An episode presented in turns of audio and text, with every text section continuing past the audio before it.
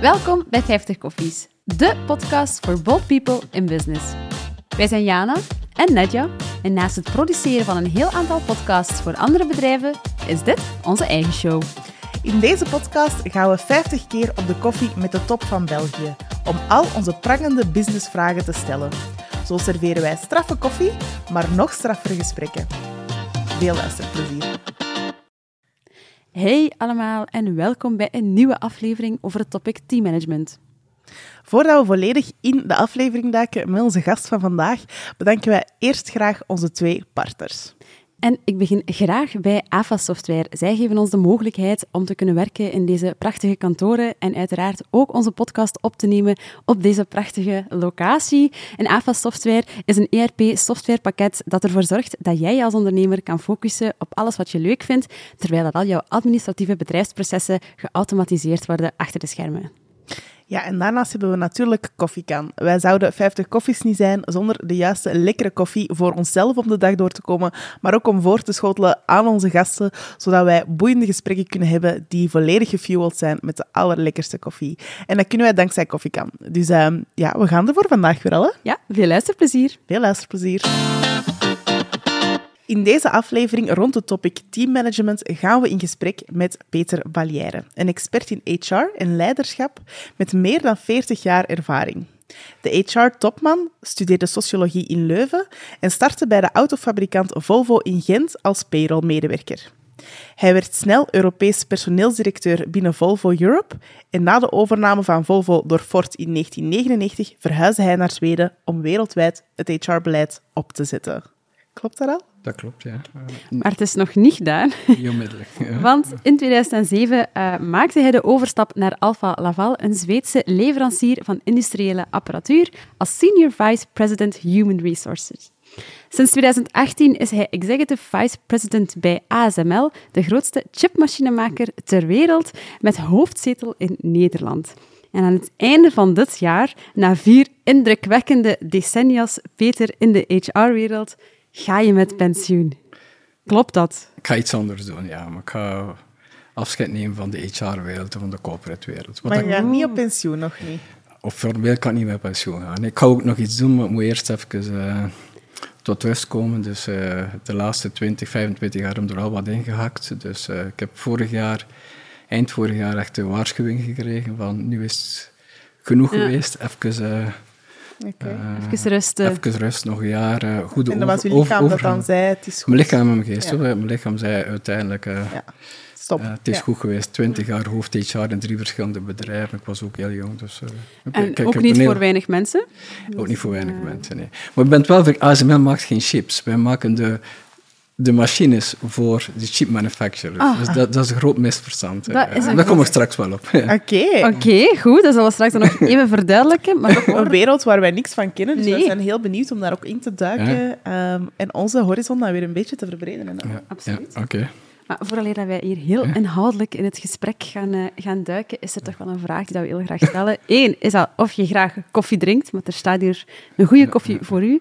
En hoe dat jij jouw koffie graag drinkt, Peter? Ik drink heel veel koffie, te veel koffie. Ik drink heel graag koffie. Uh, het is ook mijn manier om van mijn kantoor even beweging te hebben. En liefst ook in gezelschap. Koffie, de koffiekoner is voor mij nog altijd een bron van informele ja, kennismaking, uh, ja, informeel knowledge sharing. En dat heb ik ook geleerd in Zweden. Ik weet niet als je de fameuze fika kent vanuit Zweden. Nee, dat Vertel. Fika? Fika is de Zweedse koffiepauze. Uh, dat is een moment dat elk bedrijf kent dat. Dat ze om minstens één keer per week, soms meer, samen zitten met het team om uh, kleine en grotere delen privé te leren kennen. Het is echt een element van sociale cohesie. en toen ik in het begin bij Volvo in Zweden kwam, ik, dat moet hier afgeschaft worden. Ja, dat is, we zitten hier op een lui gat te zitten op vrijdag. maar het is zo'n belangrijk instrument voor, uh, qua sociale cohesie. Uh, om, om ja, het team te leren kennen, om bonding, om kleine zaken die in formele meetings niet kunnen besproken worden. Dus ik heb wel de, de kracht van koffie en koffiepauzes leren kennen. Ja. Dat zou wel zijn, dan pas jij helemaal binnen onze podcast. ja, blijkbaar wel. Ja, ja. Um, Peter, we hebben jou al proberen voor te stellen. Uh, een hele uh, indrukwekkende carrière heb je al achter de rug. Maar wij zijn daarnaast ook benieuwd naar wie jij naast de werkvloer bent als mens. Maar ik hoop dat ik als mens dezelfde persoon op de werkvloer ben dan, dan ernaast. Hè. Dus ik heb ik geloof ook zelf niet in die work-life balance. Ik denk dat in Zweden noemen ze balance in life. Hè? Dus dat je alle elementen, je werk, je privé en zo, een goede balans moet geven. En zo work-life balance heb je dus precies een job en een leven daarnaast. Zo ben ik niet. En ik probeer ook dezelfde persoon te zijn. Maar natuurlijk heb ik andere rollen ja, buiten.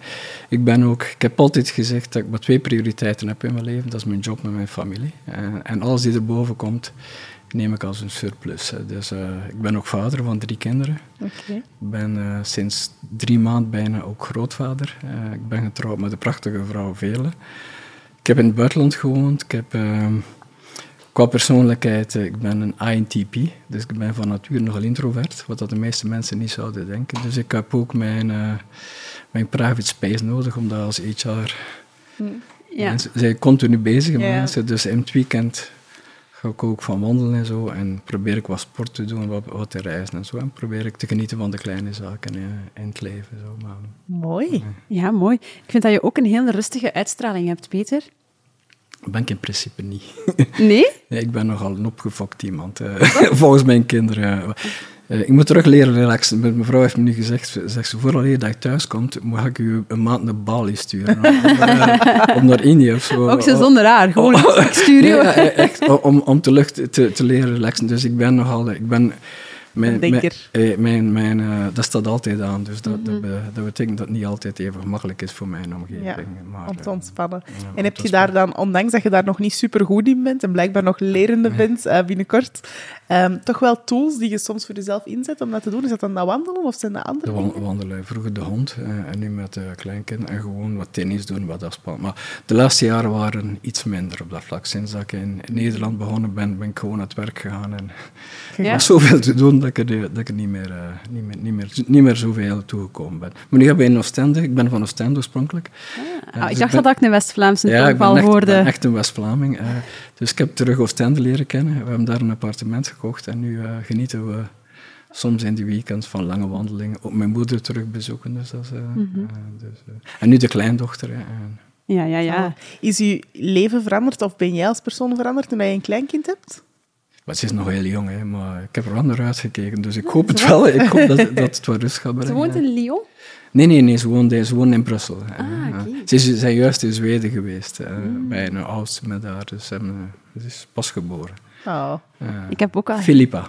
Ah, mooi, mooie naam. Hele mooie naam, ja. ja. Ik heb ook al heel veel vragen over ja, de work-life balance of de life balance. Um, als we kijken naar Zweden en dan kijken naar uh, Nederland of, of België, je zegt het ook vanaf ik uh, in Nederland teruggestart ben, ja. is het sporten en het uh, zorgen voor jezelf misschien wat verminderd? Is daar zo groot verschil?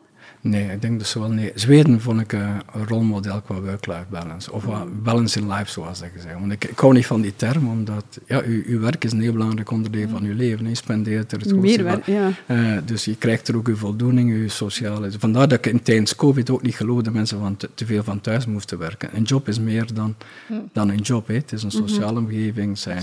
Voor een stuk vrienden, het geeft u, het geeft u houvast, het geeft u mhm. ontwikkeling en zo. Maar ik vond dat in Zweden... Uh, de managementcultuur van vertrouwen geven aan de mensen, van empowerment, van de mensen los te laten. Minder controle op het, op het hoe, maar meer op de resultaten.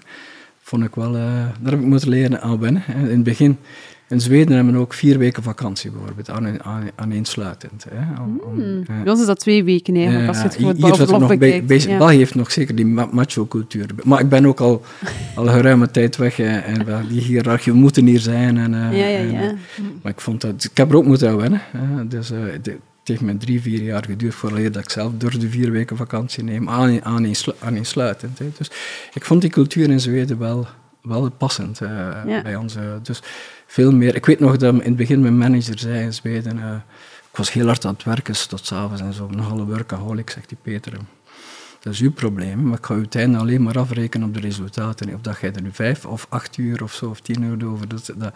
Dus die cultuur zit Ook een stuk in Nederland is gewoon dat er bij ASML zoveel te doen was. We zijn zo snel gegroeid mm dat er zoveel achterstand was op vlak van personeel, structuren en beleid, dat, dat ik daar een beetje te te enthousiast ben ingevlogen. Ja, en in Zweden hield, het, eh, hield de structuur misschien af en toe tegen om zo hard te werken. Hè, door het feit dat de mensen rondom jou dat niet doen. En dan de vier weken vakantie aan één stuk.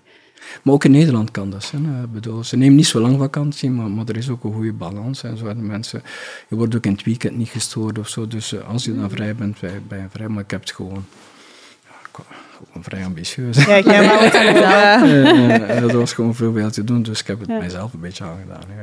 Ja. Nee. Omdat je vanuit de externe, je ziet dat er zo in moet gebeuren. Ja, eh, en, en dat je wilt eh, dat dat ook gedaan wordt. Hè. Ja, Ja, ja. dat zal. Ja, heel ondernemend. Nee. De, het topic van deze podcast is eh, teammanagement. Ja, ja. Ik denk eh, dat dat logisch is dat we jou daarvoor eh, uitnodigen hier op de podcast.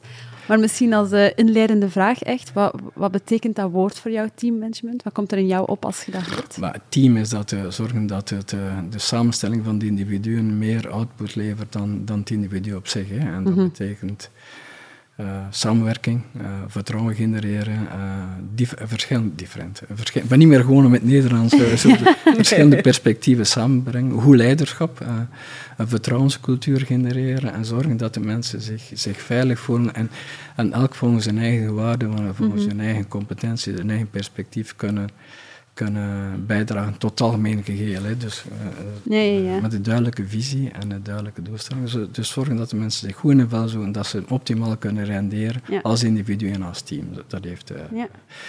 Er bestaan geen handboeken voor. Hè. Eh, het is ook verschillend van bedrijf tot bedrijf, van situatie tot situatie en eh, van cultuur tot cultuur. Hè. Ja, zal wel zijn. En ik denk dat je het ook maar leert door het te doen, hè? Allee, Je leert de hard way. eh, Ja. En je moet ook opletten, het is ook situationeel leiderschap. Is ook, je moet continu in beweging zijn, continu Mhm. feedback vragen en continu openstaan voor de, voor de feedback van je omgeving. Ja. Ik weet, het is ook verschillend als je bijvoorbeeld leiding geeft aan een team van specialisten of aan een team van leiders eh, Ja. op een andere manier. eh. dus ik heb ook in het begin. Mijn eerste managementjob was in Gent, dat was specialisten. Ik dacht dat ik, dat, eh, dat ik God's gift to heaven was. hè. Ik kreeg fantastische leadership scores en zo. Dan ben ik bij gevolg van het commerciële gegaan, internationale, omge- internationale omgeving.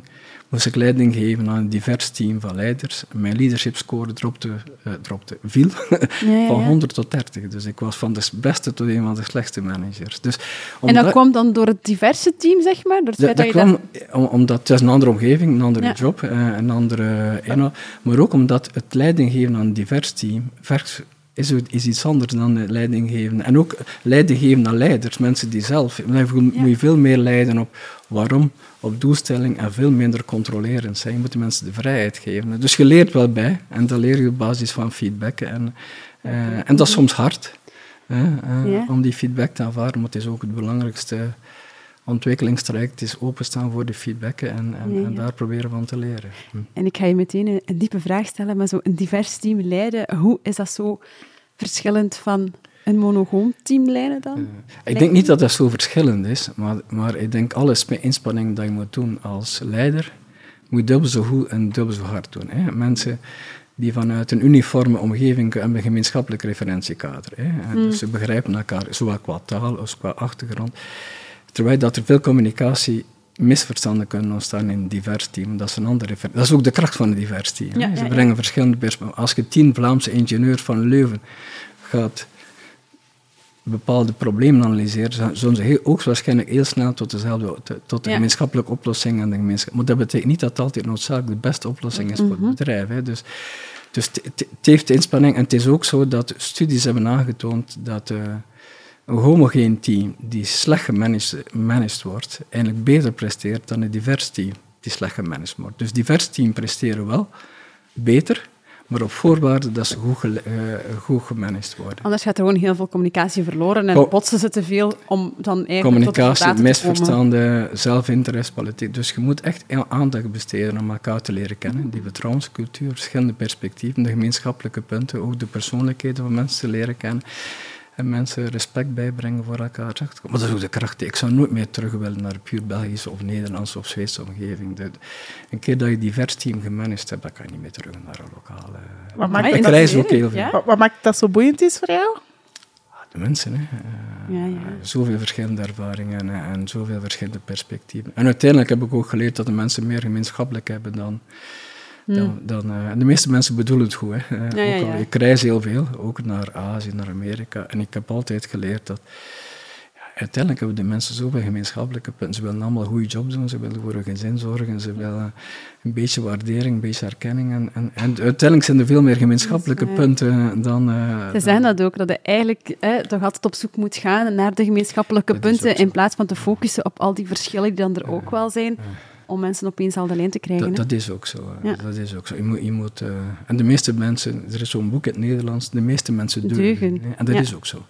Dus we moeten ons niet laten meesleuren, zoals als mail worden meegesleurd in een politiek spel tussen Amerika. Dus de wereld wordt, hoe meer dat de wereld gepolariseerd wordt, hoe meer dat wij als bedrijf moeten inzetten op inclusiviteit en samenwerking. En, en de... Vind ik nu eens mooi dat je dat zegt. Dat vind ik ook heel mooi. En ik wil daar subiet ook veel verder op ingaan. Ehm, maar misschien heel even terug naar het begin voor de tech-leken onder ons. Um, je hebt ons daar net al heel correct gecorrigeerd op het feit wat ASML doet. Maar wat doen jullie nu? Wat voor een type bedrijf zijn jullie? ASML is het grootste techbedrijf van Europa. Hè. Is, uh, qua marktkapitalisatie is het derde grootste bedrijf van Europa. Uh, met een omzet van ongeveer nu een kleine 30 miljard zal het zijn dit jaar. Mhm. Wat wij doen, wij maken, we zijn, je mag het woord niet gebruiken, maar we zijn... Uh, laat zeggen een 80% of meer marktaandeel in de voornaamste machines om chips te maken. Wij maken geen chips. Maar om een chip te maken heb je onze machines nodig. Het is lithografie. Dus zo'n machine kost minstens 200 miljoen euro. En wat dat wij doen is zorgen dat een, een macrochip is, is, is bijna een, een artwork van altijd maar kleiner uh, en meer functies uit. Dus bijna in alle smartphones, in alle functionaliteiten zitten chips die gemaakt zijn op ASML-machines. Dus wat dat wij doen is via lithografie via beeldvorming, via licht, zorgen dat, er, dat de, de, de, de transistoren op de chips altijd maar kleiner worden, dat je meer en meer lagen kunt opzetten en dat die sneller en meer functioneel worden. Bijvoorbeeld 4G was niet mogelijk zonder ASML. Dus bijna in alle... Dus we zijn bijna en dan mag het woord dat mag ik niet gebruiken, maar we zijn bijna monopolist geworden, omdat, er veilig, omdat we zo sterk geworden zijn. En zeker in de EUV, dat zijn de high-tech uh, chips, hè, die ook nodig zijn voor Internet of Things en zo. Voor de meest gesofisticeerde applicaties zijn wij de enige. Dus we zijn heel snel gegroeid. Ik, ik ben in 2018 begonnen, dat was de omzet ongeveer een 10 miljard. Nu, nu ah, we gaan bij de 30 miljard, we waren met 15.000 mensen. Nu zitten we met 42.000 mensen, dus de, vandaar dat het een beetje... Uh, veel werk was aanwerving, ja, uh, proces. Dus, dus het is een van de weinige high-tech bedrijven binnen... binnen uh, het bedrijf is ook zodanig groot dat ik het mij moeilijk kan visualiseren hoe groot het bedrijf is. Maar bijvoorbeeld alleen in Nederland moet ik er rondkomen. Zitten nu met de campus van 21.000 mensen. Dus we groeien. Dat is we, we, we, groeien, maar zijn ook groot, we zijn niet het grootste, maar het zijn ook uh, de meeste, laten we zeggen, blue-collar activiteiten worden uitbesteed. Dus het is echt een kennisbedrijf. Hè. Dus Ik word omringd door de slimste mensen ter wereld. Hè. We hebben 3000 PhD's, de meeste hebben masters, zes in onze fabriek. En, uh, dus het zijn allemaal heel, heel slimme mensen die, uh, ja, ja, die eigenlijk gepassioneerd zijn door de klant door de uh-huh. technologie en die nooit de bedoeling hebben gehad om zo groot te, zijn, te worden. Dus de groei is ons voor een stuk overkomen. overkomen. Uh, tot een paar jaar geleden hadden we ook geen winsttoestellingen. We wilden gewoon de beste technologie maken en de beste. En, en dan ineens. Dus we Bent je een, een wereldspeler? ja, ja, natuurlijk zijn we een wereldspeler geworden. En nu, nu, nu een beetje te veel. Hè. Omdat we te veel... Vroeger was het, uh, een paar jaar geleden, was, stond er op de BBC, de, de, wat was het, de most obscure Dutch company of zo. En nu is het het belangrijkste bedrijf ter wereld. Uh, omdat er, we zitten volop tussen die, uh, de geopolitiek tussen Amerika en, uh, ja, ja. en China. ze denken als ASML in die schakel weghalen, dat China niet... niet kan zijn wie ze... Wie ze wilden zijn. Wat gaat allemaal over big data. Hè? Ja. Om big data is macht. Hè? Zowel commerciële macht, economische, militaire macht. Hè? Om, om de beste big data te verwerken, heb je de beste chips nodig. En om de beste chips te maken heb je ASML nodig. Maar wij proberen daarvan buiten die politiek. En dat is wel moeilijk. Allee, ik denk wel dat dat... moeilijk. Nee? Ook in, maar intern lukt het vrij goed. Ik had er ook schrik voor, omdat de wereld zo gepolariseerd wordt. Want we zitten bijvoorbeeld alleen al in Nederland zitten met meer dan 100 nationaliteiten. We hebben heel veel mensen van China. Van, uh, want, omdat we er niet... Er is een, een, tekort aan mensen met technische opleiding. Ja, dus bij, bij 50% van de mensen die we aanwerven, werven wij aan buiten Nederland. Hè. Mm. Dat betekent wel veel Chinezen, mensen van India, van, van België. van, uh, alle. Dus om die melting pot van, uh, samen te brengen, ik had er wegschrik, want dat proberen echt uh, dat gaat behoorlijk goed. Het zijn techneuten. Hè. Ze beoordelen mensen niet op hun... Dat zijn, ja, nee, ze, ja. ze, ze, beoordelen mensen op hun contributie en niet op hun nationaliteit of hun achtergrond. Dat is mooi, dat is om uh, zo'n verhaal te horen. Dat het, het, kan ook niet anders. Allee, het, is, het is mooi dat het in de cultuur zit, maar er is geen andere optie, hè, want er is veel te veel tekort in de IT- en engineering ja, sector. Klopt, klopt, klopt. Het is, het is echt een uitdaging. Die woord voor talent is echt heel moeilijk. Er is een tekort. Hè. Zeker in andere landen ook. We zijn ook de helft van de mensen zit waar dan onze klanten zijn. Hè. Er zijn een heel beperkt aantal chip manufacturers in de wereld. Hè. Dus die zitten voornamelijk in Azië. 80% van de chips ter wereld worden in Azië gemaakt. Mm. De resteren worden bijna in Amerika eh, gemaakt. Dus Europa hinkt echt achterna. Uh, heeft, die, heeft die boot gemist voor een stuk. Uh, dus onze klanten, dus daar, dat is voornamelijk Taiwan. Ah, is de grootste chip manufacturer ter wereld. Dat weten mensen niet. Mm. Dat is TSMC. En zij kopen dan jullie, jullie machines aan of jullie maken het dan voor... Zij maken, en het is al, al materiaal. Elke, elke machine is een... Je hebt vier vliegtuigen, of drie of vier vliegtuigen nodig, of twee of drie, ik weet niet hoe om één machine te... Okay. Dus hoe, hoe, kleiner dat de chips worden, hoe groter onze machines worden. Ja, ja, dat is met enorme lenzen, licht invallen. Dat, is, dat, dat zijn de meest complexe machines ter wereld. Dus die, die leveren dan... Wow. dus die verkopen ze, ze worden dan geleverd ja. bij die chip manufacturers en ja. zij maken het En zij maken dan de chips. Het zijn niet de enige toestellen die nodig zijn om chips te maken, maar zij wel de voornaamste en de okay. meest complexe. Dat is een beetje... Ik vind het... Tot... Um, ja, dat is zo'n bedrijf dat zo groot is en zo al vertegenwoordigd zonder dat we daar per se heel veel over horen of heel veel over weten. Ja, in de sector ja. waarschijnlijk wel, maar...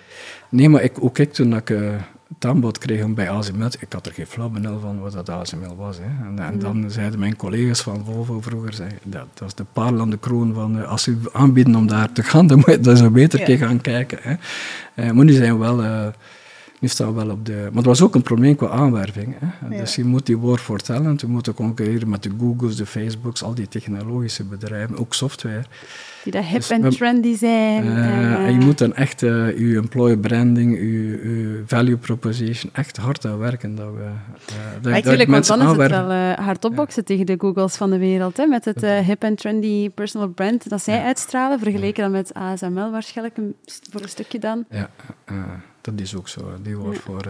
Maar, Google is heel moeilijk om mee te concurreren, maar, maar uh, of toch tot vroeger, omdat die zo, die betalen zoveel en zo. Van die. Dus ja, ja. we moeten op alle fronten inzetten, uh, maar voornamelijk de cultuur trekt ons, trekt de mensen aan. Hè. Dus Hmm. we zorgen dat we competitief blijven qua verloning. Dat is ook een... Uh, je moet geen meegaan ook, hè? Dat is een qualifier, dat is geen differentiator. ik denk, mensen, je kunt misschien mensen aanwerven op basis van verloning, maar mensen blijven omwille van development, leadership, cultuur. Dus we proberen veel meer in te zetten op well-being, engagement uh, en de belonging en zo. En ik denk dat is een beetje de kracht van, uh, van ASML, dat we ook uh, enorm veel ontwikkelingskansen proberen te geven aan de mensen. Maar ik heb al zo vier pistes waarin ik dit gesprek wil laten gaan. Ja. Ik heb al moeite met te kiezen. Ja, doe maar. um,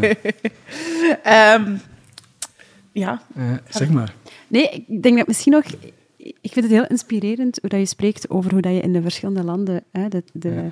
de job hebt uitgevoerd eigenlijk. En je hebt daarnet ook heel mooi gezegd, ik zou eigenlijk nooit meer willen teruggaan uh, hè, naar een team begeleiden dat zo eenzelfde type team is. Is dat veranderd voor jou, die term teammanagement, over de jaren heen? Mean ja. management, geen kan zeggen. Teammanagement? Uh, ik denk uh, voor mezelf ook, en ik denk ook in de wereld, omdat zaken zo snel gaan. dus ik denk het... Ten eerste, de definitie van team is veel, is veel breder dan vroeger. Hè. Mm. We proberen nog op een vrij ouderwetse manier onze organisaties met organigram, met één manager en zo. Zo werkt dat lang niet meer. Hè. Als je effectief werkt, ja. Ik, ik geef leiding aan, ik zit misschien in vijf, zes teams. Hè, en hoe hoger dat komt, hoe meer bazen hebt. Dus het gaat veel meer over netwerken, projectteams, uh, netwerkorganisaties. Uh, ja. dus, dus je moet het team niet meer bekijken als het team die, die aan u rapporteert. We werden allemaal in complexe matrices. Dus de definitie aan team is veranderd. Ik denk ook, voor mijn filosofie, het oude, laten we zeggen, autocratisch leadership ja. die, uh, het is voor mij compleet voorbijgestreefd. Ook al zijn er bepaalde managers die, uh, anders staan, eh, die anders staan, maar dat is niet mijn geloof. Ik denk omdat de evolutie zo snel gaat. We zitten ook met de jongere generatie die veel meer autonomie wil, die ook het lastig heeft om uh, een balans te vinden, omdat ze zoveel verwachtingen op zich Hmm. afgevuurd krijgen door artificiële verwachtingen. Ja. Door. Dus dat, de job minder en minder belangrijk wordt. Hè? Uh, het neemt een minder grote plaats in hun leven. Dus, dus je moet mensen meer vrijheid geven, ook om hun tijd in te delen, veel meer flexibiliteit Mhm. geven. Dus ik geloof veel meer in het leadership model en in teams die, die voor een stuk toch zelfsturend zijn, die, die elkaar gaan samenwerken en die flexibiliteit hebben, die aangestuurd worden op het waarom. En op de doelstelling al veel minder. Nu is ook een uitdaging bij ASML. We zijn een jong bedrijf. Traditioneel waren het ook allemaal techneuten die eh, Ja, in de controle. Dus ik, eh, dit jaar alleen gaan we 1500 mensen proberen door een soort leadership traject te geven. Om zo handvaten te geven. Hoe ga je nu om met die jongere mensen? Hoe verandert je leadership? Dat je niet alleen op de inhoud moet sturen, maar ook op het coachen. Op het, Ja, ja, eh, op, eh, dus het is ook een evolutie. eh. maar ik denk dat dat. Want dat, dat, eh, Ja. eh, dat is mijn persoonlijk geloof. Nu, er zijn ook bedrijven die. Maar zeker voor een bedrijf zoals ASML, die echt en zo alle bedrijven dat ik gewerkt heb, ook zijn mensgestuurd. Hè. En ASML is geen, het is geen proces. eh, we hebben heel- eigenlijk vrij weinig structuur. hè. Het is echt gedreven door mensen die de beste problemen oplossen, die moeten samenbrengen. En die, eh, ja, ja. dus als je een kennisbedrijf moet je, moet je echte mensen eh, samenbrengen, laten doen samenwerken. En wat dat we proberen in te, aan te werken, slagen we ook niet altijd in. Nee. We leren ook. Want het is zo dat je meer dan 40.000 mensen onder jou hebt Allee, als personeelmanager. als personeelmanager, toch? Binnen ASML. Ja. Opnieuw, ik kan me dat niet inbeelden dat, dat er zoveel mensen...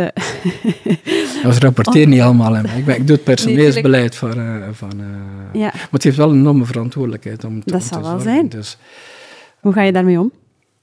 ja, veel... eh, we zorgen dat, dat je er alles aan doet om het bedrijf succesvol te maken. Mhm. Want het is een enorme verantwoordelijkheid. Hè. Eh, je hebt 40.000 gezinnen die afhankelijk eh, zijn van ASML voor een, om brood op de planken te krijgen. Veel mensen komen bijvoorbeeld in Nederland van het buitenland, geven hebben en houden af om, eh, om in Nederland... te- dus je- het creëert een onverantwoordelijkheidsgevoel, ten eerste om succesvol te blijven, maar ook om... om om te voldoen aan, de, aan, de aan het verwachtingspatroon van de, van de mensen. Nu, voor het slagen we daar vrij goed in. Eh, we zijn vrij wijdgevig. Nu doen we iets minder, maar ook...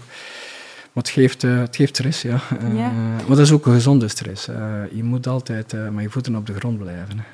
Want ja, je had het er net ook over hè, die work-life balance, dat je daar niet 100% in gelooft. Maar is het dan ook zo gemakkelijk om die 40.000 gezinnen, als er daar bepaalde zaken fout lopen, lijkt het mij een uitdaging om het niet mee te nemen naar huis of er niet over na te denken en er Nee, niet meer in je hoofd te zetten. We- thuis? We, we hebben... eh, maar ik denk op het moment dat je dat niet meer doet, zit je niet meer op de juiste plaats binnen Dat is ook waar, als je niet kan Eh, schelen. eh, Mm. de- dus je moet... eh, ik, de HR-functie is er niet alleen technisch, hè, is er ook om de, om de H van human resource, om de eh, eh, en daar luisteren ze ook naar. Hè. Ik bedoel, Ja. eh, in Ja, ja, ja. bij ASML is, je hebt, zit een heel diepe caringcultuur, maar ze toont niet altijd. Hè. Eh, omdat de meeste mensen zijn aangeworven omwille van hun IQ, niet omwille van EQ. En dan heb je, dat ze soms, en dan heb je dat gecombineerd met de Nederlandse directheid. Hè, hè, dat Ja, ja. soms niet zo veilig Dat is ook een heel directe hè. cultuur. Eh, het is een heel directe cultuur. En vergelijking met Zweden. In, in, in Zweden krijg ik altijd de feedback dat ik te weinig confronterend was. In Nederland dat ik veel meer confronteren moest zijn. Hè. Dus Ja, dus je ja, zit ja. in die... eh, maar er zit een heel diepe, warme cultuur in. Maar soms snappen de mensen niet welke impact dat ze hebben op mensen, omdat ze er keihard op de inhoud tegen. Dus, dus daar de mensen de handvaten voor geven. Veel inzetten op well-being. Doen we ook, wat dat vrij nieuw is. Ja. Eh, dat heb ik ook gezien binnen HR. Dat je ziet, bitter weinig bij ASML, maar je ziet een omgeving dat jongere mensen eh burn-out zijn op hun 30ste, 35, veel weinig in ASML. Dus ze proberen creatief, preventief in, te zetten. Gewoon omdat de druk van de samenleving en van de sociale media, media hoog is. Dus, dus die menselijke kant eraan geven en blijven oog hebben voor het individu, dat, dat is ook de rol van HR, naast alle technische eh, Ja, ja, ja, processen, tuurlijk. aanwervingen en zo. Dus, eh, en aan de cultuur blijven, eh, blijven werken. Je, je bent drie jaar geleden daar eh, begonnen. Jullie zijn enorm snel. Langer, eh, ah, 2018. 2018, hè, die is al vijf jaar ondertussen. Ja, Geleden daar begonnen.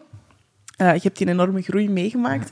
Wat zijn voor u dingen die jij in plaats hebt gesteld daar om het op HR-vlak een beetje vlotter te laten lopen? Of wat is uw impact dan daar in dat bedrijf tot hiertoe? Het, ah, dan moet je aan de andere vragen.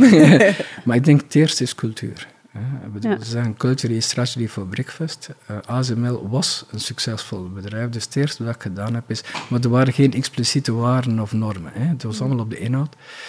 Is gewoon nagegaan, wat zijn de de core values van het bedrijf die het bedrijf zo groot gemaakt hebben. Hè. En dat was, die, uh, dat was samenwerking, dat was teamwork, dat was entrepreneurial spirit. En dat vertaalt naar moderne concepten. En die gemeenschappelijke waarden van care, collaborate en challenge echt proberen te embedden in het bedrijf. Want dat is eigenlijk wat dat bedrijf samenhoudt. Niet de policies en zo. Dus proberen... Uh, dan veel gewerkt met leadership. Leadershipontwikkeling. Uh, om dat op een niveau te... En eigenlijk hebben we alles moeten veranderen. Onze ASML was niet... Al onze personeelsprocessen waren niet meer fit for purpose. Hè. Dat was een jong technisch bedrijf die mhm. ooit begonnen is onder Philips. Hè. Eh, ASML is jonger dan ik. Hè. Hij is twintig jaar jonger dan... Niet dat ik zo oud ben, maar het is een heel jong bedrijf. Het is zo'n beetje puber. En hij heeft de grootste uitdaging die, die moet opgroeien zonder dat hij de kracht van... Uh, en dat, dat, dat blijft, zonder dat we de bureaucratie en zo begeleiden. Dat we die fighting spirit erin. Uh, en dat proberen zaken te veranderen. Veel veranderd, ook qua opleiding en zo. Hebben uh, maar ik denk dat de cultuur, dat dat mijn voornaamste... zorgen dat de cultuur... en dat mensen afgerekend worden, niet alleen op de wat, maar ook op de hoe. en hoe heb je dat dan aangepakt? Dus je zegt van oké, we zijn die mensen gaan bevragen, maar wat of hoe... Dat met management echt onder wat, wat zijn de expliciete waarden, dat vertaalde in, in normen en dat gecommuniceerd. En dat is enorm belangrijk, ook in covid-periode, dat, dat geeft heel veel houvast gegeven.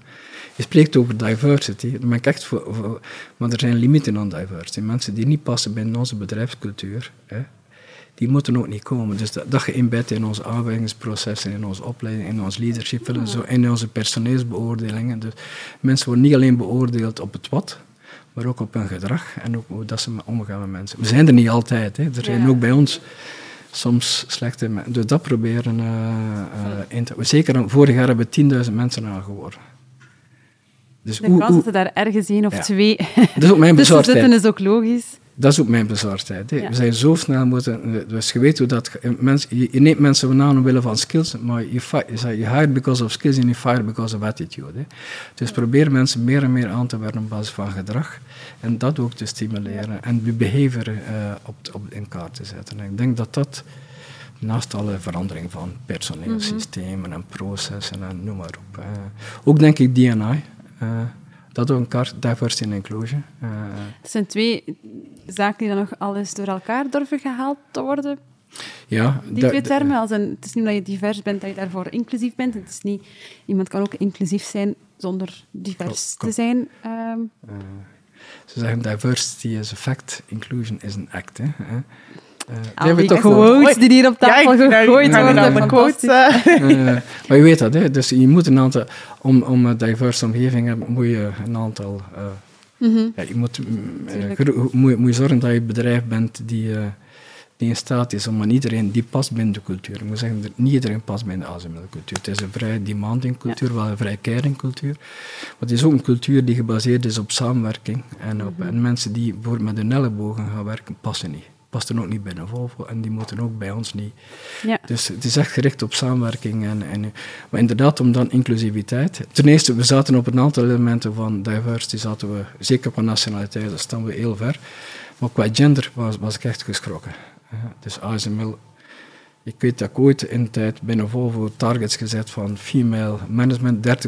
We zaten nog niet aan 10% bij. Dus en je hebt daar veranderingen in gebracht? Ja, uh, we zijn bezig. ja, ja, of, of bezig. Maar nu zitten we op zijn minst, toen ik begonnen ben, waren, zaten we ergens met 30% vrouwen. Nu zitten we toch al met 20% vrouwen. Je moet ook aan de basis werken. Hè. Mm -hmm. en, tuurlijk, tuurlijk. En, en, je moet echt, maar de mensen moeten ook snappen waarom. Hè. Je kunt het ook niet forceren, je moet echt management meekrijgen uh, in die beweging, dat ze zien, wat is de benefit voor mij? Anders, um. En daar ben ik wel in geïntrigeerd. Wat is de benefit voor them en hoe heb je dat dan ook aangepakt, dat proces?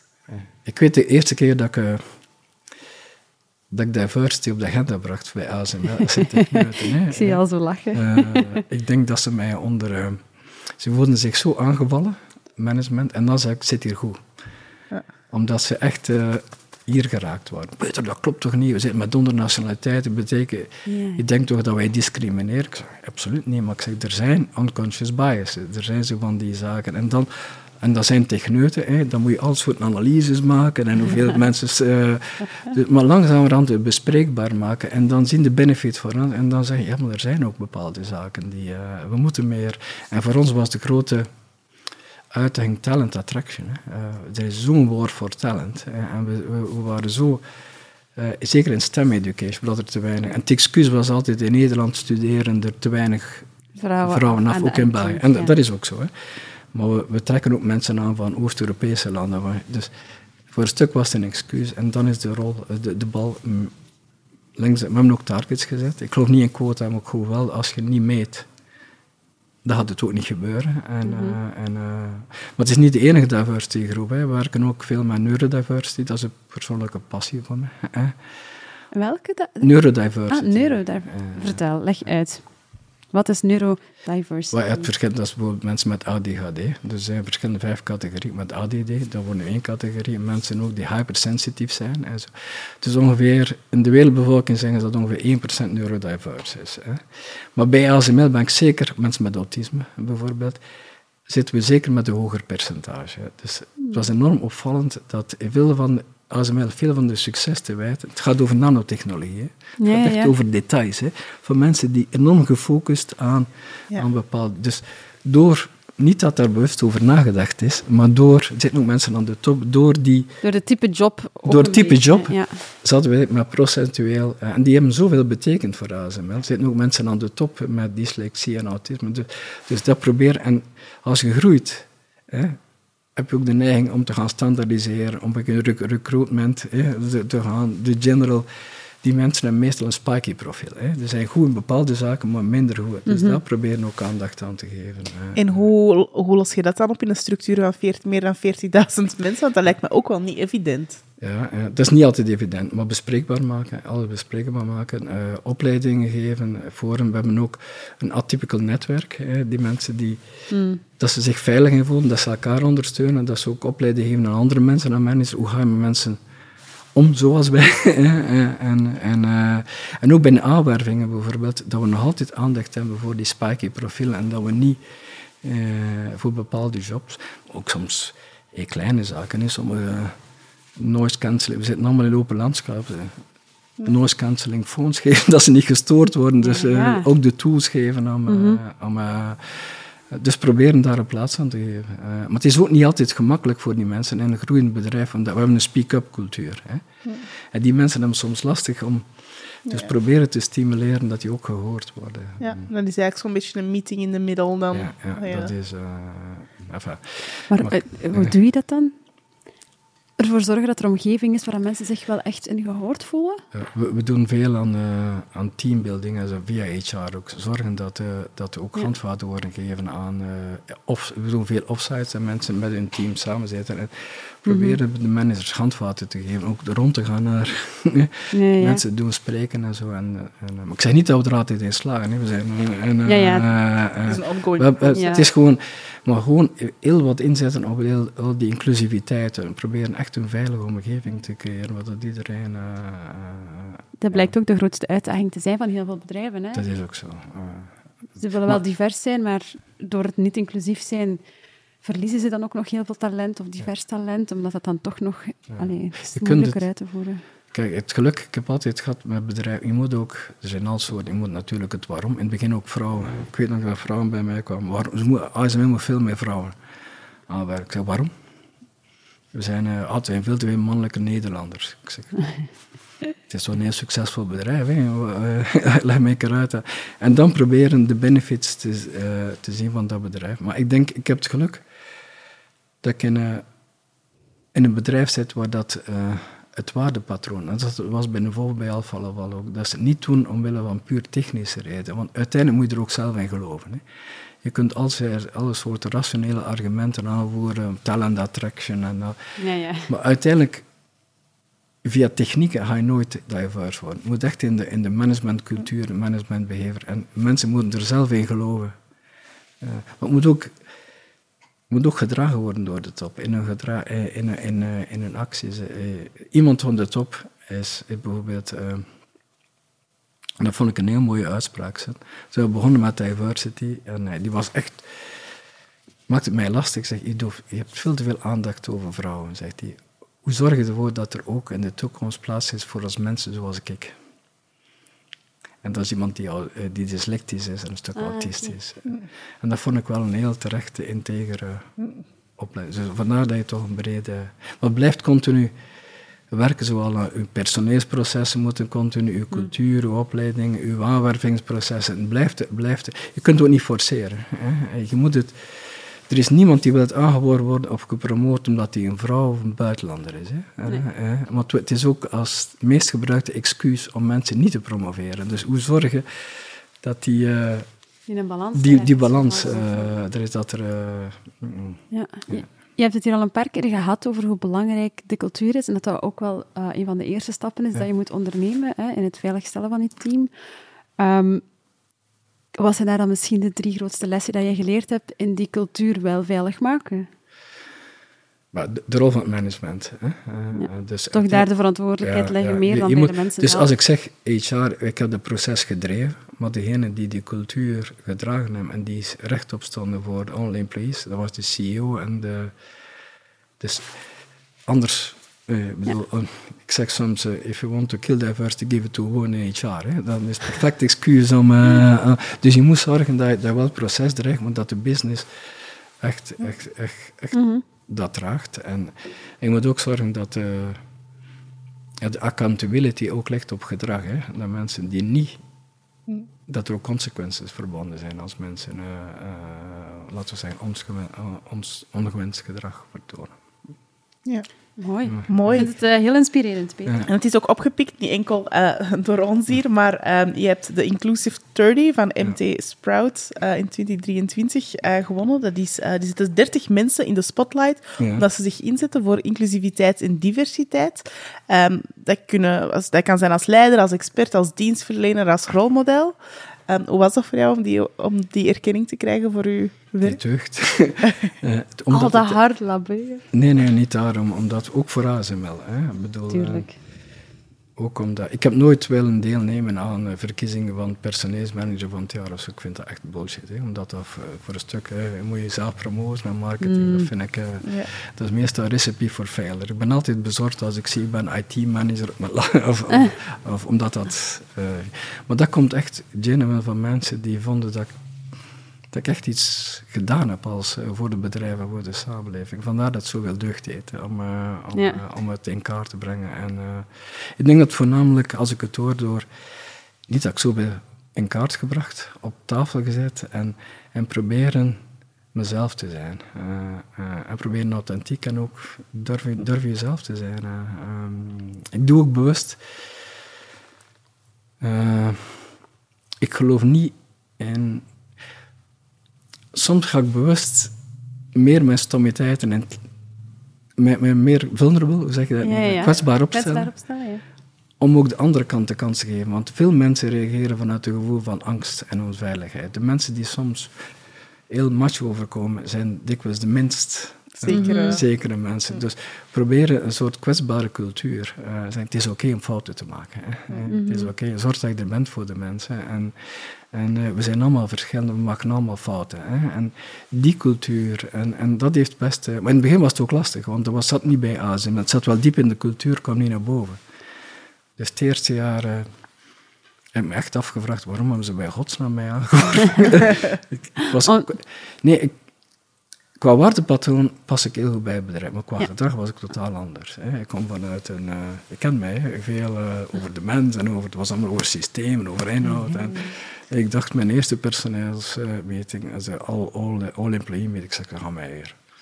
Wat doe ik hier? Hè? Ja, ja, Maar ja. ze hebben wel om, omdat je het platform van inclusiviteit is het gemeenschappelijk waardepatroon. En voor de rest, eh, als je dat kunt bewaren... En dat is ook mijn grootste zorg. Eh, niet dat we inderdaad zoveel mensen aangeworven hebben. Hoe kunnen we die cultuur behouden? En hoe zorgen we ervoor dat... eh, want anders gaan we een bedrijf zoals... eh, ASML, ieder bedrijf zegt dat ze uniek zijn, maar ik vind ASML wel op... We zijn niet de meest efficiënte. Nee, nee. Het is een bedrijf die denkt over de klant, over de mens en die niet zo winstgeoriënteerd... We maken winst, winst bij ASML is echt een gevolg.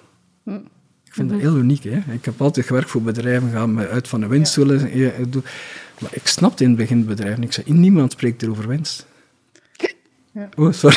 Het gaat Nee, dat, is, eh, dat gebeurt vaak. Het ging, het ging allemaal over techniek en over de klanten en, en, en, en over die details. Ik snapte er geen bal van, Mhm. eh, eh, al die techniek. Maar er zit een interesse En als we dat kwijtspelen, eh, dan gaan we een van de bedrijven. eh, Echt intrinsieke eh, passie. passie eh, van... eh, Heb je zelf, hè, je, spreekt over dat je dat naar, naar boven moet brengen, eh, die diversiteit en inclusie, dat dat echt iets is dat eraan gewerkt moet worden. Heb je in jezelf als leiderfiguur doorheen je jaren daar grote lessen uitgetrokken of aanpassingen moeten doen in je eigen leiderschapsstijl? Ja, ik, heb, ik heb ooit feedback gekregen over, eh, zeker in het begin van mijn carrière, dat ik echt dacht dat ik... eh, maar zeker veel meer inzetten op er zijn voor anderen en minder jezelf op het voorplan zetten. En zorgen dat je... En hoe ouder je wordt, hoe meer deugd dat je hebt van mensen te zien groeien. Hè, eh, Dan dat je meer zitten op team. Er zijn voor mensen en ook veel meer moed, hè? want soms werkt het wel moed, hè? mensen eh, om, eh, om jezelf te blijven. Ik heb ook bij Volvo heel lastige periodes meegemaakt, toen dat de nieuwe CEO, dat ik echt moeten opkomen heb voor de waarde van het bedrijf. Dat is mijn kop gekost. Ik ben er altijd heel trots op. Eh, dus je, moet, je mag als personeelsmanager en ook als, zeker als moet je nooit je eigen waardepatroon. eh, Maar je moet wel aanpassen. Hè? Eh, eh, En ik denk dat dat, dat dat de grootste les is. En hoe hoger dat komt in een organisatie, hoe minder dat erop aankomt om de mensen te zeggen wat dat ze moeten doen. Hoe meer dat erop aankomt om hen de mogelijkheden te geven om een job te doen. Om, om, want dat zijn, ik word omringd door super slimme, competente mensen. Maar ik zou wel en veel meer focussen, focussen ook op mensen hun st- hun sterktes. Hè. Er wordt veel gedaan eh, en op een feedbackcultuur. eh, veel Ja. meer leren feedback geven. En, want dat is het begin van alle. Maar ook positieve feedback, dank u leren zeggen. Eh, Ja. mensen, er- sommige mensen hebben er echt schrik voor. Hè. Eh, want positieve feedback heeft veel meer positieve impact op performance dan negatieve. Maar mensen hebben echt, dat is zowel in alle bedrijven heb ik daar last mee om mensen om die feedbackcultuur erin, te- erin te krijgen. hè. De positieve feedbackcultuur dan Alle. vooral, of alle feedbackcultuur. Ja, terwijl dat mensen hebben bepaalde manier schrik om feedback te geven. Dikwijls omdat ze schrik hebben om terug feedback terug te krijgen. Ja, ja. Ja, maar, Ja, maar- ik, ik vind dat zelf iets heel gek. Ik had over laatst een gesprek met iemand ehm, over iemand die voor 50 koffie werkt. En ik zei, ja, maar die heeft dat nu echt heel goed gedaan. En die antwoordde daarop, ehm, ja, zeg dan maar niet te veel ertegen. Want dan gaan ze... Dan gaan Ja, ze, dan dat is bullshit. Maar hoe raar is dat voor een antwoord? Ah, mijn, dat is wel echt raar. Dat is, dat was Nee, ik heb dat ook meegemaakt. Hè. Ik, ik heb zo ook, ooit zo... eh, dus feed forward noemen ze dat. Probeer positieve reaction. Dan zeg ik, ja, maar dan gaan ze misschien opslag vragen. Of, eh, Ja. er is er niks mee te maken. Nee, maar, Het is wel erkenning geven Erken- of erkenning krijgen dan voor de persoon. Eh, En zeker ook bij de jongere generatie. De feeling of belonging en erkenning is superbelangrijk. Niet alleen de financiële, eh, maar voornamelijk... eh, eh, Het wordt dat, ook belangrijker en belangrijker dat mensen zich goed voelen op een plek waar ze uiteindelijk meer tijd besteden dan thuis. dat is, eh, en dat is een beetje mijn... eh, ik, ik, zie, ik zie de druk op... Als er iets is die veranderd is in eh, personeelsbeleid, is de druk dat ik voel op... eh, veel mensen, jongere mensen, zijn lui, ze willen niet meer werken en dat is bullshit. Hè? Ze krijgen veel meer... Het verwachtingspatroon op de jongere generatie is veel hoger dan in mijn tijd. En eh, ook door sociaal... Een onrealistisch beeld van... eh, Ja, ik denk ook zo een beetje dat iedereen op zijn dertigste zijn carrière of haar carrière al wilt gemaakt hebben. En op je dertigste moet je al op bepaalde plekken zitten binnen een bedrijf. Daar ervaar ik ook wel... eh, dat, en dat is niet realistisch. Hè. Dat wordt zo, en dat is via sociale media. Maar ze moeten ook een perfecte vader, eh, ze moeten kunnen reizen, op een restaurant gaan, een perfect lichaam, eh, duizenden vrienden, eh, 2000 likes. Ik weet niet wat allemaal. ja, ja. Dus bij mij was het alleen een job hebben en eh, voor mij was het relatief simpel. Had het gemaakt. Maar durf jezelf zijn en durven. En, en je Ja. ziet ook de studies die, die gaan over de vereenzaming van, eh, van de jeugd. En, en eh, dat, dat, dat is iets waar ik me zorgen over maak. En wij, wij werken met superbegaafden, dus mensen kunnen... Mhm. Ik was onlangs in San Diego, dat is eh, Silicon Valley. hè, en daar sprak ik ook met de high potentials. En daar vroeg ik hen, als je nu één zou wensen dat er één technologie nooit zou uitgevonden zijn, wat zou het zijn? Dat zijn allemaal smartphones. Ja? Ja, en dat is jullie generatie. Hè? Eh, Ja. Omdat die continu A- aanstaan ook aanstaan en, en, en het verwachtingspatroon. En dat zijn nogthans heel... eh, sli- ja. ik vind dat gek. Er ja. even over nadenken. ja. Ik weet niet of ik de daarom- smartphone erg vind. Ik denk, voor mij is het, ik denk social media, ja. Ja. Maar zo, het was- gebeuren maakt, het, maakt mijn leven heel gemakkelijk. Maar dat zeiden ze. Zo, ja. het, het is niet de smartphone op zich, Ja. maar het is de druk dat ze ervaren door Instagrams, de Facebooks Ja, ja, ja. en zo. En niet alleen dat, maar gewoon al de meldingen. Of wat dan nu uw berichten is, een mail is, social zijn, die ping, ping, ping, Ja. ping. En je kunt dat afzetten, maar ik vind er al een stap om dat wel af te zetten. Bij mij staat alles wel af. Bij mij is er niets dat pinkt. Alleen als ik de app open. Dat is goed. Je kunt er beter mee omgaan dan ik. Maar ik open de app wel vaak. Je? dus dat is niet altijd... Allee, het, is niet Nee. op, het helpt een stukje, maar het zorgt er wel voor dat ik niet... Want ik weet dat bij u dat dat zo bij alles afgaat. Bij En alleen WhatsApp. Dat is het ene. De rest heb Ah, ik ja, ja. kunnen afzetten, maar WhatsApp kan ik niet afzetten. Ik stel voor, heeft iemand mij nodig? Dat is totaal Nee, dan bellen mensen. Nee, maar ik, ik bedoel, ik heb altijd geluk gehad dat ik voor mensgeoriënteerde bedrijven, altijd belangrijk, eh, dus dat ik altijd, ik heb ook zelfs als het moeilijk ging binnen Volvo, daar altijd Mm. mezelf in de, en zeker bij daar zetten we heel veel in op opleiding, ontwikkeling. Ja, ja. En toch moeten we meer en meer inzetten op well-being, ment- mentale well-being. Dus we hebben ook tw- 24-7 hulplijnen, dat mensen kunnen bellen als ze psychi- Dat is de, en dat is een samenlevingsissue. hè. Eh, Ja, heb je dat ook dan een stuk? Want als ik mij niet vergis, ik ga hier misschien zeggen dat niet juist is, dan corrigeert je mij maar. Maar is, ehm, sowieso Scandinavische landen zijn heel goed op well-being, scoren daar heel hoog in. Ja. Heb je daar dingen van meegenomen? Of zeg je, goh, dat, dat wordt beter gemarket dan het effectief is? Die managementcultuur. Dat, ik vond dat wel, eh, dat er minder druk en minder macho-cultuur is van eh, altijd aan te staan. Er wordt ook niet verwacht dat je altijd antwoordt op mails of zo. Dus ik denk dat die cultuur van empowerment, eh, van vertrouwen geven, en daar komt het op na, hè, en van de mensen echt te vertrouwen en mensen af te rekenen. Maar, maar Scandinaven zijn ook rootless. Hè. Als je het vertrouwen misbruikt, Is het kapot? dan Hier krijg je misschien nog af en toe een extra kans. Nee, Maar ja, daar ja, niet, maar ja. een extra kans, je krijgt altijd een extra kans als het gaat over eh, competenties of Fouten maken, ja. Maar je krijgt geen extra kans als het, eh, als het echt gaat over fundamentele waarden en normen. Hè. Ik heb ook, eh, ook bij Alpha Laval, ik heb ooit mijn beste personeelsmanager in Azië in eh, Latijns-Amerika ontslaan. Niet omdat ze niet, niet technisch competent, maar ze had gelogen tegen mij. En dan Hmm. heb je gedaan. Dat is heel rootless, hè, maar ik denk, oh, anders gaan we het bedrijf proberen samen te, via artificiële policies. En de- dus je moet daar heel, heel, heel consequent Ja, dat maakt het ook wel duidelijk naar andere werknemers dat dat gedrag absoluut niet toelaatbaar is. Ehm, waardoor dat je dan wel meer geneigd bent om dat gedrag ook niet te vertonen, want je weet wat de consequenties zijn. En ik denk misschien wel vandaag wel- de dag, Ja. hoeveel consequenties zijn er aan verkeerd gedrag dat getoond wordt op de werkvloer. Hè? Dat is, eh, Waardoor dat heel veel zaken toelaatbaar zijn. Ik denk dat dat ook de enige manier is. Ik denk dat, dat de, de- het weerwoord of, of de, de- het vraagstuk dat naar boven komt als je zegt, hè, we, we beginnen vanuit vertrouwen, dat dat ook soms gepercipieerd wordt als ja, soft is misschien niet het juist woord, maar zo van ja, maar ze heeft nog niks bewegen of ze heeft nog niet. Dus ik denk dat dat wel heel mooi is door te zeggen, je hebt vertrouwen tot je het gaat, versus je moet vertrouwen verdienen. Ja. Ja. dat, dat is ook zo. En, en dat zijn Scandinaven. En dat was ook eh, de grootste culturele shock tussen, eh, shock tussen Volvo en Ford. Hè.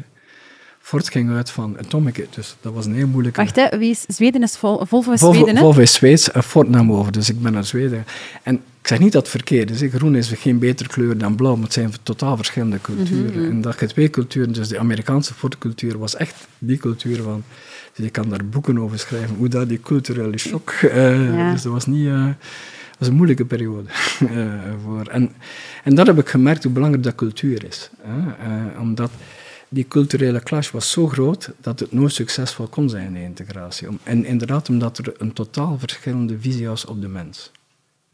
Ja. Ik ga uit van dat iedereen positieve intentie tot dat tegendeel bewezen is. En daar geloof ik nog altijd in. En het personeelsbeleid, ook bijna in alle bedrijven, is gebaseerd op fundamenteel vertrouwen. Hè? En je moet zorgen dat... Dat betekent niet dat je naïef moet zijn. Ja, tuurlijk. maar zorgen dat de mensen die niet te vertrouwen zijn...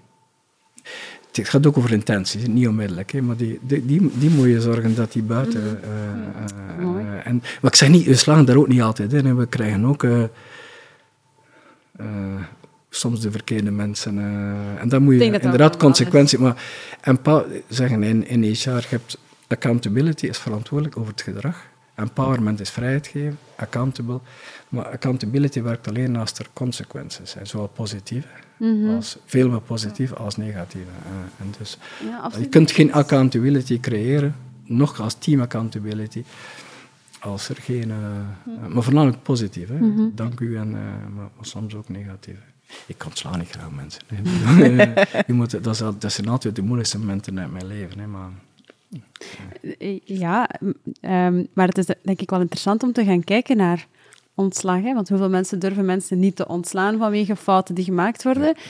En je verwoordt het nu heel mooi als ze zijn wel echt ruthless, maar is het echt ruthless of is het gewoon ontslag geven is het is moeilijk voor, uh, uh, voor veel mensen. Hè? Voor veel mensen. Hè. En ik vind het ook goed dat het moeilijk is, maar soms is het, is het ook in het belang van het individu. Soms passen mensen niet meer. Dus ik heb altijd geprobeerd, mm -hmm. ook de keren dat ik moet doen, probeer de mensen in de ogen te kijken. Hè. En uh, zo weinig mogelijk. Maar soms is het ook ja, de mensen niet meer passen of zo. Je moet gewoon eerlijke feedback geven. En, uh, ja, het lijkt me ook een grotere uitdaging voor kleinere bedrijven dan grotere bedrijven.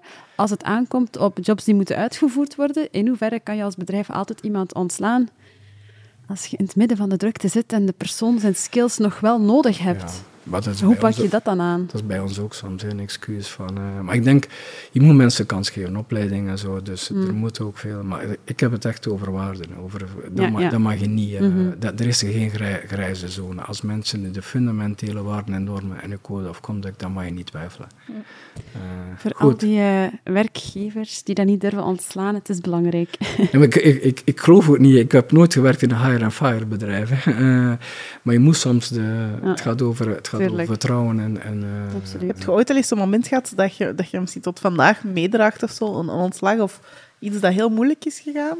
Dat je zegt van, maar dat was echt, goh, dat draag ik vandaag nog mee? Of dat vond ik heel pittig, niet per se zo extreem.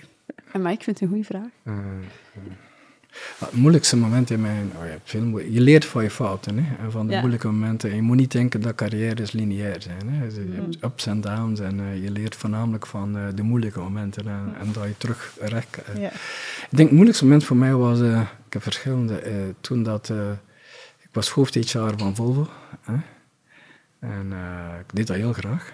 en er kwam een nieuwe CEO. CEO en ik heb dan echt opgekomen voor en die walk the talk, hè, die, die paste niet binnen. Ik heb hem echt feedback gegeven, want ik dacht, als HR zit in een geprivilegeerde positie, omdat van ons verwacht dat je de meeste mhm. mensen hebben schrik. En dat is niet goed uh, bekomen. En dan hebben ze mij gezegd, uh, uh, ja, weet ik ben een Ford. Nee, nee, nee, nee, ze hebben nog andere jobs, maar dat wou ik ook niet doen. Omdat het niet paste binnen de cultuur van Ford. Hè. Maar het was een moeilijk moment. Achteraf is het ook mijn misschien mijn best. Ik ben dan in een fantastische bedrijf. Ik was misschien te jong ook om, om op die job te zitten. Hè. Maar achteraf ben ik er trots op, maar het was mijn leven. Hè. Ja, uh, dus ik was getrouwd met... Uh, ik was echt getrouwd, maar ik heb er twintig jaar gewerkt, heel goed gewerkt. Ik ben nog altijd heel positief. Ik nog altijd met Volvo's ook. Hè. Ik, ga, ik ga ook niet uh, omwille van één iemand mijn perceptie over het bedrijf ja, veranderen. Maar die, we zijn ook zes maanden na mijn vertrek heeft hij ook in andere overeenkomsten weggaan. Het was geen match. Het was geen match. Niet met mij. Maar ik ben er trots op. Man, maar je zit er met je kinderen, hè? drie jonge kinderen die afhankelijk zijn van, je, van jou in, uh, ja, ja. in Zweden. Dus. Maar daar heb ik veel van geleerd. Het maakt je ook humble. En ik heb zoveel van die uh, moeilijke momenten. Maar het heeft, uh, en vandaar dat ik altijd... ik ben er ook trots op achteraf, maar het is niet gemakkelijk. Nee, nee. Ik denk dat dat ook wel een beetje het ding is bij uh, falen of door moeilijke momenten gaan. Het is maar achteraf, als je terug ergens in geslaagd bent, dat je trots kan terugkijken op iets wat dat toen heel, heel erg aanvoelde als iets slechts of als iets falen. Of ik heb nu uh, een beetje de mist in gegaan. Dat is ook zo. Je moet durven falen. Nee. Maar je moet ook niet blijven, wat ik achteraf gemerkt heb. Hè. En ik zeg dat ik wel zelfs... Je moet ook niet blijven in een omgeving waar je niet past. Mhm. Dat is gemakkelijker gezegd dan gedaan, maar ik zie... Uh, er zijn ook mensen die, die ook bij ASML niet passen binnen de cultuur. En die hangen... Doet dat niet. Ik geloof ook niet in retention tools en uh, zo van die zaken. If you want to buy loyalty, buy a dog. Hè? dus mensen moeten bij ASML willen blijven omdat ze echt willen blijven. Dus mhm. we, zetten even in op development, ontwikkeling. Ja, ja. Maar ik geloof echt niet in mechanische retention tools. Uh, dat kan op, je kunt tijd winnen om mensen naar u te binden, zeker met die woorden. Maar je kunt je moet via cultuur, via ontwikkeling, via leadershipcultuur, via de jobinhoud, heel belangrijk voor mensen, mensen dat moet uh, uw value proposition zijn. En dat is niet gemakkelijk, uh, omdat er inderdaad een enorme war for talent is. Continu vechten, zowel technisch als qua leadership. Maar het maakt het ook heel leuk, hè. Uh, om, mm om, om en nu gaat het, maar we zitten daar volop in. en Ja, dat is ook eenmaal erin dat ik wil meenemen, omdat ik ook merk dat we zitten met te weinig Belgen. Ja. Het verwondert mij dat we zo weinig Belgen hebben in, bij ASML. Eh, We hebben meer mensen, denk ik, van China. Ze zitten vlak over de grens. Eh, dus, Ja. eh, en dat er ook meer mensen op die, die technische opleidingen. ik ben er ook niet, mijn kinderen hebben ook geen technische opleiding Nee, maar inderdaad, we hebben, Maar het is zo, het is zo belangrijk. ja, we hebben daar een thema voor opgenomen over technologie. En dan, dat blijkt toch ook nog wel heel moeilijk te zijn. Hè. Bedrij- Bedrijven zoals Telenet en zo zeggen ook van... Wij bieden vrouwen of zelfs andere mensen echt technologische opleidingen Ja. aan. Je moet er niks voor kunnen. Het is gewoon belangrijk Ja. dat wel meer mensen in die opleidingen krijgen.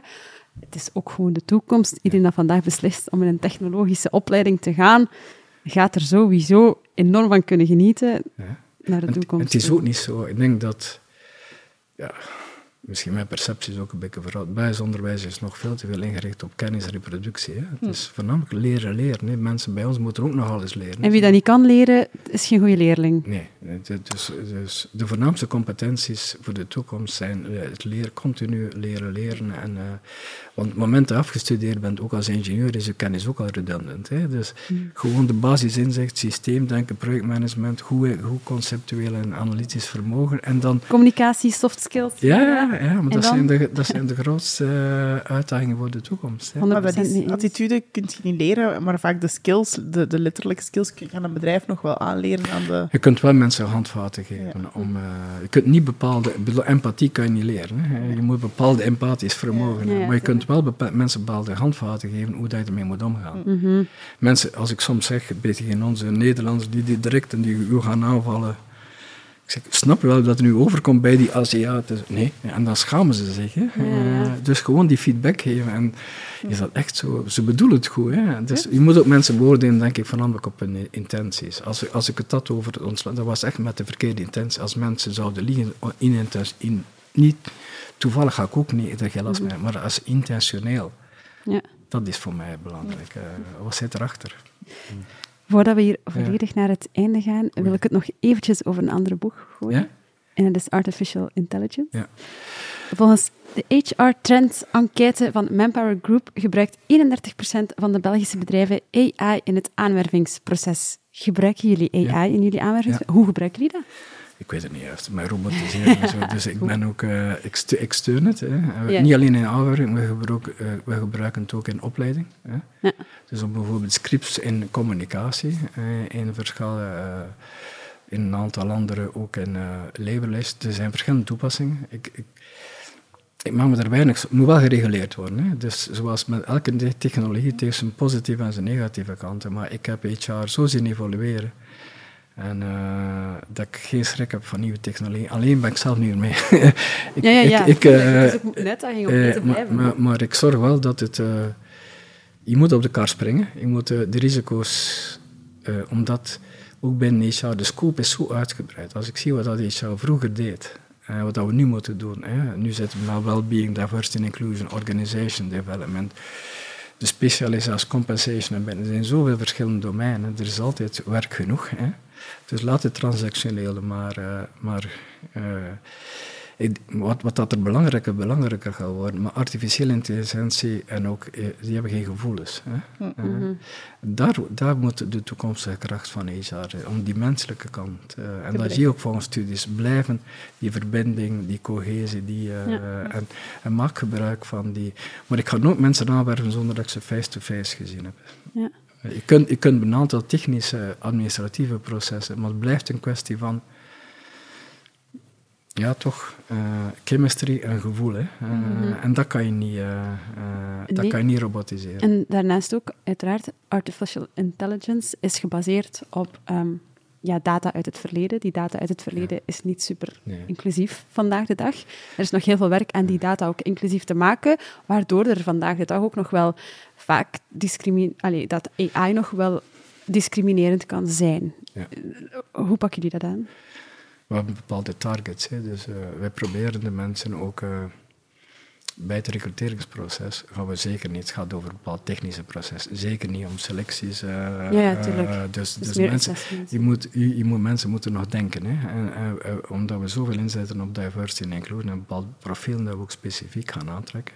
Eh, en, Ja. en, eh, En er is zo woord. Het gaat hem zeker niet over dat we via artificiële intelligentie, dus gewoon die kandidaten. We hebben 300.000 mensen die solliciteren op, op ASML. Hè. Dus we gaan dat niet via artificiële intelligentie. De mensen moeten nog kunnen nadenken. Ja, dus wat er wel gebruikt wordt, veel mensen bijvoorbeeld die helemaal niet passen binnen het profiel nu van. Uh, ik zeg maar die geen technische opleiding hebben, daar gaan we het wel voor gebruiken. Ook people analytics uh, en zo, maar mensen moeten nog nadenken. Hè. Je moet op de kar springen. Ik, ik het was hetzelfde met een kwart oud. Hè. Vroeger, als internet opkwam, was dezelfde discussie. Hè. Oh, dat gaat alle jobs wegnemen en bla bla bla. En, uh, ja, ja, ja. Dus misschien ben ik al te oud, heb ik te veel van die evoluties gezien. Moet gereguleerd worden. Er zijn grote risico's aan verbonden. Uh, zeker wat betreft ook. Uh, maar die heeft ook te maken, er zijn. Ik geloof niet in positieve discriminatie, maar er zijn wel. hoe noemen we glass ceilings. Hè. En er zijn unconscious biases. En die moeten we wegnemen. Hè. Dus ik. En daar moet je bewust een inspanning mm voor doen. Hè. Uh, uh, en dat betekent dat, er, dat we echt gaan, heel proactief gaan zoeken naar meer vrouwen, meer mensen met, uh, met een andere achtergrond. En, en dat, maar uiteindelijk moeten ook beslissingen zijn van manager. En maar ik, begint bij goed te werken. Mensen zien de, nee, de positieve effecten van diversiteit. je moet een keer bij ons komen in zo'n plaza. Dat is ons bedrijfsrestaurant. Hè. Dat, dat is zo'n internationale melting pot van... Uh, Goed, daar moeten we naartoe gaan. daar moet je echt een keer... Uh, ik, ik, denk dat je... We gaan uh, dat je, nog langs je zou daar thuis zijn. dat jij daar nog... Maar ik zeg, we hebben groeipijn. ASML heeft enorm veel groeipijn. Zowel huisvesting, opleiding, extern. Mm. We zijn ook bij jou in Eindhoven geweest. Dat was vroeger Philips City. Hè? Mm. dus Philips is zo en wij... Mm -hmm ze kunnen niet, niet, snel genoeg huis bouwen, de opleiding kan niet volgen, er zijn fileproblemen. Uh, dus de honeymoon is ook een beetje over. Hè. Dus we zitten met enorme uitdagingen. Dus we moeten uitbreiden en we moeten uh, zorgen dat we uh, ook binnen op personeelsvlak, op IT-vlak, op, op alle mogelijke domeinen, maar zijn maar groeien zonder uw identiteit te verliezen is de grote uitdaging. Hm. Kan ik me voorstellen. Mm -hmm. We zijn een beetje aan het einde van onze podcast. Okay. Al ik het gevoel dat we nog vier uur zouden kunnen praten. Ja, ik vind het heel goed. Inderdaad. Um, hoe zie jij de HR-wereld of de topics nog evolueren in de toekomst? Ondanks er afscheid van gaan nemen? Uh, in zijn algemeenheid. Uh, dus ik denk inderdaad dat er meer en meer... Uh, dus het wordt meer en meer geprofessionaliseerd op alle domeinen. technisch gezien wordt er meer en meer people analytics en al de zullen technisch meer en meer bijdragen tot de... Maar tegelijkertijd wordt er een tegenwicht dat ook alle domeinen qua diversity en inclusion, well-being, de, de zachtere aspecten van HR gaan meer en meer in belang toenemen. Ook uh, mentale health, uh, uh, well-being. En daar moet HR blijven een, een, belangrijke rol in spelen. Zeker omdat om het tegengewicht, mm -hmm. en zeker met de jongere generatie, die ja, zorgen teambuilding, inclusiviteit. Uh, om mensen aan ons, voor ons te doen werken, moeten we heel attractief zijn. Hè? Mm -hmm. uh, moet ook leuk zijn. mensen moeten niet altijd moeten, gelukkig kunnen zijn. Op, ja, en zin hebben om te werken ook. Hè? Ik denk dat, ik, ik geloof... Ik geloof dat de meeste mensen, maar dat is mijn persoonlijk geloof, hè, ook bij uh, soms die, die Duracell, uh, mensen mm. zijn self-going. Er is niemand die, die s ochtends opstaat en zegt, ik ga een slechte job doen. Mensen willen, uh, maar soms wordt het moeilijk gemaakt door bepaalde managers om een goede job te doen. Mm. Soms werken ze mensen tegen. Dus eigenlijk is een grote uitdaging om, qua management om ze energie te geven en zorgen dat dat is allemaal in de rechte, dat is de ja. juiste zaken doen. Hè. Want mensen zijn interesse, gros van de mensen wil gewoon een goede job doen. Hè. Wilt daar erkenning voor, wilt samenwerking, wilt gewaardeerd worden. Ik denk dat er intrinsieke motivatie zit bij de meeste mensen. Absoluut. Ik denk dat ook heel veel mensen echt trots willen zijn op de job die dan ze uitoefenen. Tuurlijk. Dat is dat echt een uh, deel van uw identiteit uh, vormt ook. En dat bedoel ik vandaar, work balance in life. Hè. Dus je, je wilt, uh, maar, maar, de druk is heel hoog. Hè. Tegenwoordig zie je het ook bij de jongeren. Je moet, inderdaad, ze moeten veel te snel carrière. Ze moeten na twee jaar al voor... Dat is niet oké, okay, hè. dat is ook niet nodig. Anders heb je tegen je 35ste alles al gezien en ben je het al beu. en in een burn-out gehad. En, uh, ja, maar dat, is groot, dat zie ik ook. Hè. Uh, oplei- eh, ontwikkeling is niet alleen opleiding. hè. Doe verschillende zaken. Hè. Eh, roteer binnen het bedrijf. Ik heb het geluk gehad dat ik verschillende jobs altijd ook binnen Volvo.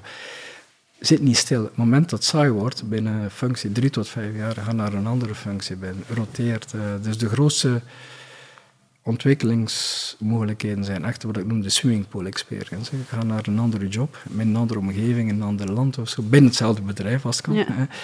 En, en dat, dat zijn de momenten dat je het meest van al wel, eh, Want als, anders word je vastgeroest. Ja, tuurlijk. Het is ook niet, het is ook niet in het belang van bedrijf, de mensen. hè. Want dan zit je ineens 15 jaar later op dezelfde job en dan snap je dat die competenties gaan overgenomen worden door artificiële intelligentie en zo. En dat, Ja. dat moet je niet doen. Dus- gewoon maakt het boeiend. Maar dat betekent niet altijd verticaal. Er zijn genoeg, Parallel, genoeg eh, parallele Zeker wel, zeker wel. ontwikkelingsman. Goed. Ik vond het een superboeiend gesprek. Misschien een aller, aller, allerlaatste vraag. En dan, wat staat er nog op de bucketlist van jou? Dat Wat, mag ook persoonlijk zijn, persoonlijk, professioneel. Misschien wil jij nog eens gaan bungee jumpen of wilde jij, eh, ik weet het niet, nog Maar- een werelddeel zien? Ja, dan gaan we... In januari ga ik met mijn vrouw naar Antarctica. Dus daar staat er nog veel reizen. Maar ik moet eerst eh, goed nadenken wat ik nog... eh, Mhm. Maar ook iets diversity, iets, iets doen voor jongeren. En dat wil ik nog... eh, Iets teruggeven aan de samenleving. Wat, wat, ik heb ook veel geluk gehad. Dus wat dat juist is, dat weet ik nog niet goed. Daar moet ik goed over nadenken. Maar, eh, Oh. maar eerst, eerst even tot rust komen. eh, goed nadenken en... eh, Is misschien al iets bucketlist op zich. Even rust nemen na zo'n intense carrière. Leren rust nemen, dat is mijn eerste. Ja, ja, ja. proberen. Enfin. Oké. Hoe dan ook, eh, de manier waarop je vandaag eh, heel passioneel gesproken hebt over eh, het HR-gebeuren eh, binnen zo'n groot bedrijf zal er zeker en vast voor zorgen dat je met een, heel klein hartje ehm, ASML gaat verlaten, denk ik. Dat zal, eh, ik, hoop wel dat er hier en daar een traantje zal eh, gepinkt worden. Het was echt ehm, heel leerrijk en eh, ja, het heeft heel veel... eh, voor eye-openers gezorgd bij mij. Tof Dat is fantastisch. nadenken. Ja, het is fantastisch om hiermee aan Oké, tafel te hebben voor een koffietje, Peter. Merci. Blij dat ik heb kunnen helpen. Dank u. Dank ziens. Dag. Bedankt om te luisteren. Tot Dag. ziens. Tot de volgende, bye bye. Zit jij na het beluisteren van deze podcast met de kriebels om een eigen podcast te maken? Wel, bij 50 Koffies Producties helpen we jou bij het maken van een podcast die aanleunt bij jouw bedrijfsdoelstellingen. Wil jij dus op een authentieke en professionele manier connecteren met potentiële klanten, medewerkers of andere stakeholders? Dan helpen wij jou bij 50 Koffies verder, zowel voor kleine bedrijven als grote bedrijven, met totaalproducties van concept tot content. Contacteer ons op info@50koffies.be Of voor meer informatie gewoon even surfen naar www.50koffies.be.